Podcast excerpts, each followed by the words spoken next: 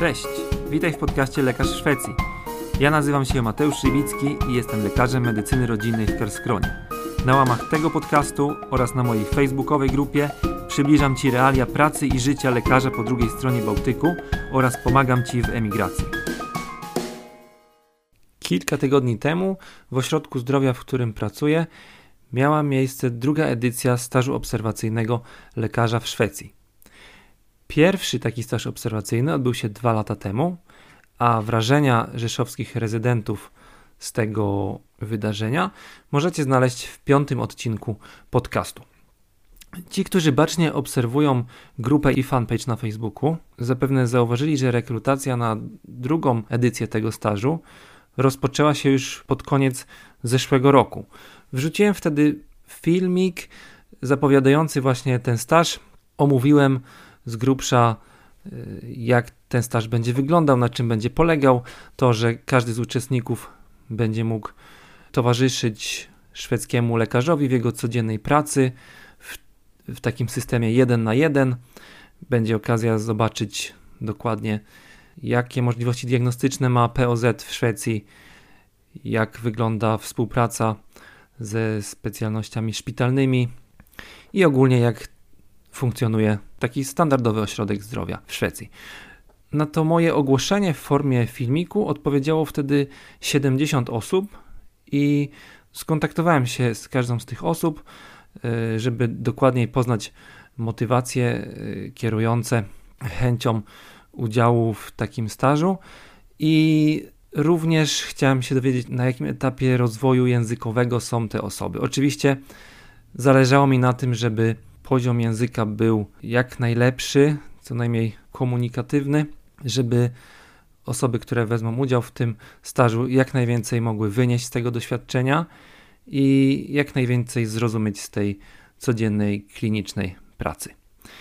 Po szczegółowym przejrzeniu wszystkich tych Waszych odpowiedzi wybrałem pięć osób, które zakwalifikowały się właśnie do wzięcia udziału w tym stażu.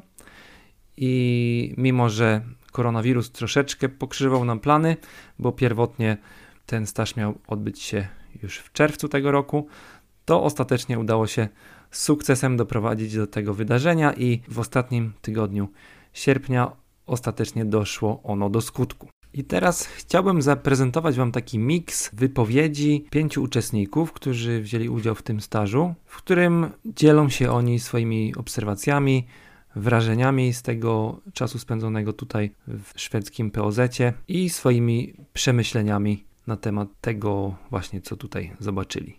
I teraz po kolei usłyszycie Rafała, Zosię, Elę, Izę i Przemka, którzy podzielą się z Wami swoimi wrażeniami. Aha, i posłuchajcie do końca, ponieważ chciałbym podzielić się z Wami moimi przemyśleniami na temat najnowszego projektu, który chodzi mi po głowie i który może ułatwić Wam znalezienie swojego miejsca dla przyszłej kariery w Szwecji.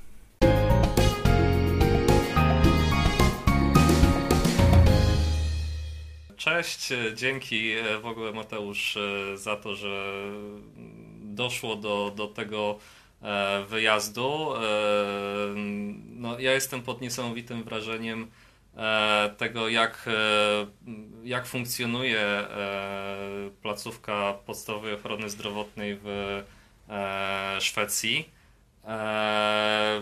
Powiem Ci szczerze, że tak jak słuchałem Twoich podcastów, jak opowiadałeś, jak to wygląda, to troszkę nie dowierzałem, więc chciałem E, chciałem przekonać się na własne oczy, zweryfikować, e, e, czy rzeczywiście da się, da się w ten sposób pracować. No i jestem bardzo mile zaskoczony. Rzeczywiście tych sześciu pacjentów na dzień to nie jest żadne, żaden mit, przesada. Także potwierdzam, 6 do 10 pacjentów dziennie to jest y, jak najbardziej, tak da się pracować. Dużo, dużo czasu na pacjenta, spokojna rozmowa, e, dostęp do całej dokumentacji, e, gdziekolwiek w Szwecji, e, czy w POZ, czy w szpitalu czy w jakiejś poradni specjalistycznej, czy to RTG, czy, czy, czy jakieś inne badanie, zawsze wszystko jest w, w komputerze dostępne. E, jest czas na to, żeby to przejrzeć, zapoznać się z historią pacjenta, zebrać wywiad e, face to face z pacjentem, nie rozpraszając się tym, że trzeba w międzyczasie wstukiwać e, wszystko w klawiaturę. Także kultura pracy jest na bardzo wysokim poziomie i to chyba zrobiło na mnie największe wrażenie. Łącznie z tym, że jak już tych trzech pacjentów przerobimy w te dwie godziny, e, no to później jest przerwa na, na fika i na kawkę. tak, spotykam, spotykamy się w pokoju socjalnym.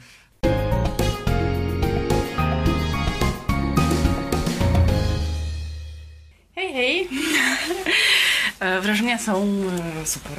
Mm, znaczy z... Nie myślałam, że tyle rzeczy mnie zaskoczy. In plus oczywiście. E, przede wszystkim e, higiena pracy i takie naprawdę zdrowe, zdrowe podejście do pracy i jest czas absolutnie na wszystko w tej pracy. E, można pacjentowi poświęcić tyle czasu, ile pacjent potrzebuje, ile się chce, starcza go na badanie, na, na papierologię tak zwaną, na, na administracyjne rzeczy. Nie trzeba się z niczym śpieszyć. Hmm. Jest czas na pytanie, na podejście do kolegów, na dopytanie się, na doczytanie ewentualnie czegoś, sprawdzenie. Ja w ogóle tutaj nie, nie odczuwam przez chwilę y, wśród personelu, wśród lekarzy, pielęgniarek żadnego stresu, żadnej pogoni za niczym. I to jest niesamowite. I, I, pacjenci też są zupełnie inni. Znaczy, mm -hmm. Być może to zależy też od regionu, ale tutaj e, duży, duży spokój po obu stronach. Co dzisiaj robiłaś, powiedz? E, dzisiaj e, w pierwszej połowie dnia miałam przyjemność pracować z Mateuszem, więc widziałam, jak doskonale sobie radzi w pracy. Mm, to troszeczkę podbudowało moją pewność siebie, że nie trzeba się bać e, e, bycia tutaj polskim lekarzem. E, nie widziałam żadnej różnicy podejścia pacjentów do, do, do lekarza, powiedzmy, mhm. tutejszego, a do Mateusza. To, co mnie zaskoczyło, Mateusz usuwał ciało obce z oka. W naszych warunkach jest to może nie do pomyślenia, ale ale ciężkie do uwierzenia, że lekarz rodzinny by, by się podjął e, usunięcia ciała obcego, ale tutaj absolutnie e, jest wszystko, czego potrzeba na miejscu. Jestem też pod wrażeniem wyposażenia e, gabinetów, mm, czyli całego, całej przychodni, tak. To już zaczynając w ogóle od miejsca pracy, tak, tu nie ma przychodnich gabinetów, każdy siedzi u siebie w gabinecie ze swoim biureczkiem i ze swoją kozetką. E, to takie podstawowe rzeczy, ale e, no na pewno dostęp do e, mikroskopu laryngologicznego i możliwość zajrzenia tym mikroskopem do ucha, w ogóle też narzędzia do badania laryngologicznego, tak, czy do, do rynoskopii przedniej. Mhm.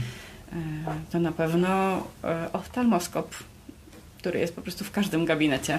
Poza tym podstawowy sprzęt jest podobny, tak? Ale co ciekawe, znajduje się tu w przychodni również rektoskop, którego hmm. lekarze rodzinni używają po prostu. Dokładnie. Także nie ma, nie ma potrzeby e, na proktoskopie czy rektoskopie wysyłać pacjenta gdzieś na tak zwane miasto.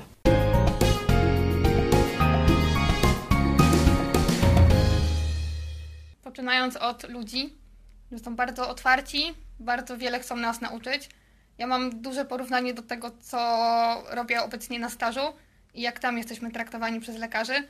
No to w ogóle to jest inny świat. Każdy jest miły, otwarty, można zadawać pytanie, jakie się chce. E, każdy chętnie sam woła, żeby coś pokazać, więc to jest naprawdę, naprawdę super. Po drugie, e, wyposażenie ośrodka. E, u nas większość tych sprzętów musimy sobie kupować sami a tutaj każdy jeden gabinet je po prostu ma, tak? Mhm. bo, bo, bo tak jest, bo tak musi być, bo lekarz musi je mieć. Mm, Dla mnie bardzo fajne jest to na przykład, że są ciśnieniomierze dla wszystkich w każdym gabinecie. Z takich rzeczy bardzo wow, no to mikroskop do ucha oraz rektoskop. To są takie rzeczy, że no nie jedna specjalistyczna przychodnia w naszym kraju tego nie ma. A co dopiero podstawowy gabinet lekarza podstawowej opieki zdrowotnej, więc... Okej, a powiedz, co dzisiaj ciekawego robiłaś? E, Dzisiaj miałam bardzo ciekawy dzień. E, Zaczęłam od e, spotkania z pielęgniarką, która miała pacjentkę na kontroli cukrzycy. Tutaj jest tak, że pacjent z cukrzycą spotyka się raz na pół roku z pielęgniarką, a za pół roku z lekarzem, za pół roku z pielęgniarką i tak takim cyklem. I pacjent nie musi tego pilnować, tylko tego pilnują osoby tutaj.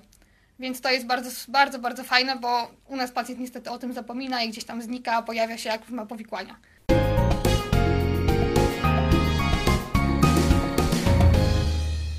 Właściwie za każdym razem jestem pod wielką, ale to jakby pod, pod wielkim zdziwieniem, jak, em, jak to wszystko tutaj jest przemyślane i jak to naprawdę funkcjonuje. A to nie jest tylko teoria, to jest e, praktyka. E, Sam fakt posiadania systemu, w którym cała dokumentacja pacjenta, niezależnie od tego, w- jakim ośrodku, w jakim miejscu, u jakiego lekarza, na jakim etapie, czy to jest pielęgniarka, czy to jest lekarz e, rodzinny, czy to jest e, szpital, czy jakaś inna instytucja, wszystko jest w jednym miejscu. Mhm. I mamy, ma, ma się do tego dostęp właściwie nieograniczony. E, Do wszystkich badań diagnostycznych e, również od e, zwykłego rentgenu do PETA, do, przez densytometrię, e, badanie laboratoryjne. Większość rzeczy, jeżeli jest sprawdzane przez specjalistów, mm, jest przez nich opisana i na końcu są, e, jest essential, czyli jest po prostu są wnioski e, dla kogoś, kto po prostu może się na czymś nie znać, to wy, wyciąga z tego to, co jest najważniejsze. Mhm.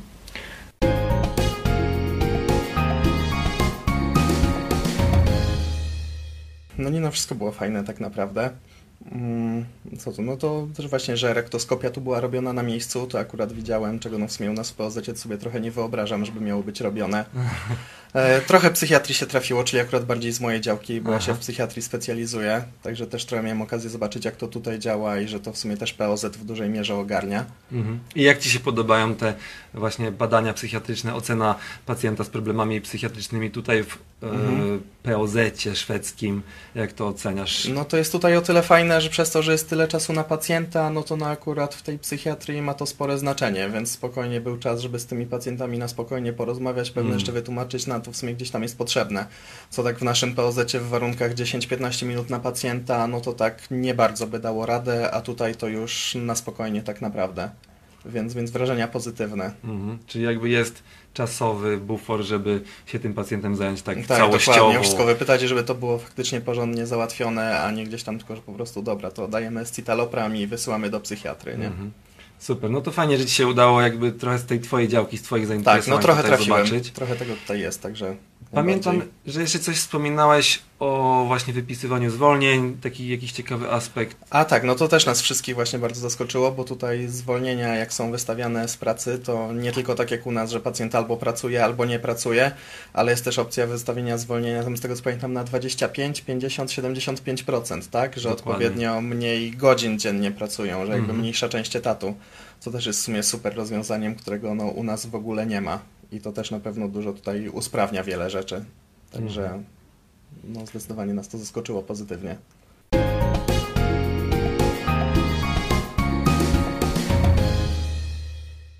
Także tak jak widzicie, naprawdę warto uczyć się szwedzkiego. Powiem wam w sekrecie, że mój szef, szef ośrodka, w którym pracuję, był zainteresowany i gotowy podpisać umowę o pracę właściwie z każdym z e, uczestników tego stażu. Po tym, jak e, widział, jak świetnie radzą sobie językowo i jak duże wrażenie na nich e, wywarł ten czas spędzony tutaj. Wielu z Was kontaktowało się też ze mną w ostatnich tygodniach i pytało, czy są planowane kolejne edycje takiego stażu. Oczywiście nie widzę żadnych przeciwwskazań, żeby takie coś można było powtórzyć. Kolejny raz albo kolejne razy. Zachęcam zatem do śledzenia i polubienia fanpage'a, śledzenia podcastu i na pewno, jeżeli przyjdzie czas na organizację kolejnego takiego stażu, to dam Wam o tym znać. Oczywiście chcę kolejny raz podkreślić, że największe szanse będą miały osoby, które co najmniej w jakimś stopniu już opanowały język szwedzki w większym lub mniejszym. Oczywiście im lepsza znajomość szwedzkiego, tym większe szanse na załapanie się na tego typu doświadczenie. I teraz jeszcze na koniec kilka słów o projekcie, który od jakiegoś czasu chodzi mi po głowie i który potencjalnie może zmienić Waszą przyszłość. A mianowicie planuję odpalenie serii wywiadów, sponsorowanych wywiadów przez potencjalnych pracodawców, szefów różnych oddziałów, szefów regionów, którzy będą mogli zaprezentować swoje miejsce pracy, y, system pracy, jakieś walory tego miejsca pracy i swoje zapotrzebowanie na zatrudnienie specjalisty lub rezydenta. Oczywiście będę sprawdzał dla Was to miejsce pracy, będę starał się uzyskać dla Was jak najwięcej informacji o warunkach zatrudnienia i właśnie tą drogą, dzięki takim wywiadom z lekarzem w Szwecji, będziecie mieli okazję wejść w kontakt z Waszym być może potencjalnym przyszłym pracodawcą i mieć większe szanse na rozpoczęcie swojej kariery w Szwecji.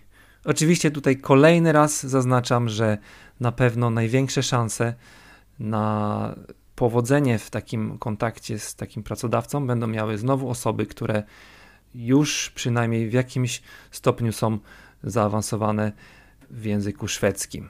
Także polecam serdecznie śledzenie w najbliższym czasie podcastu oraz fanpage'u i już wkrótce planowany jest pierwszy tego typu sponsorowany wywiad z tej serii i gorąco polecam oglądać ten wywiad na żywo, ponieważ właśnie tam będzie można na bieżąco zapoznać się ze wszystkimi informacjami, zadać jakieś dodatkowe pytanie i zgłosić swoją chęć udziału właśnie w takiej rekrutacji. To wszystko na dzisiaj. Trzymajcie się i mam nadzieję do usłyszenia już niedługo.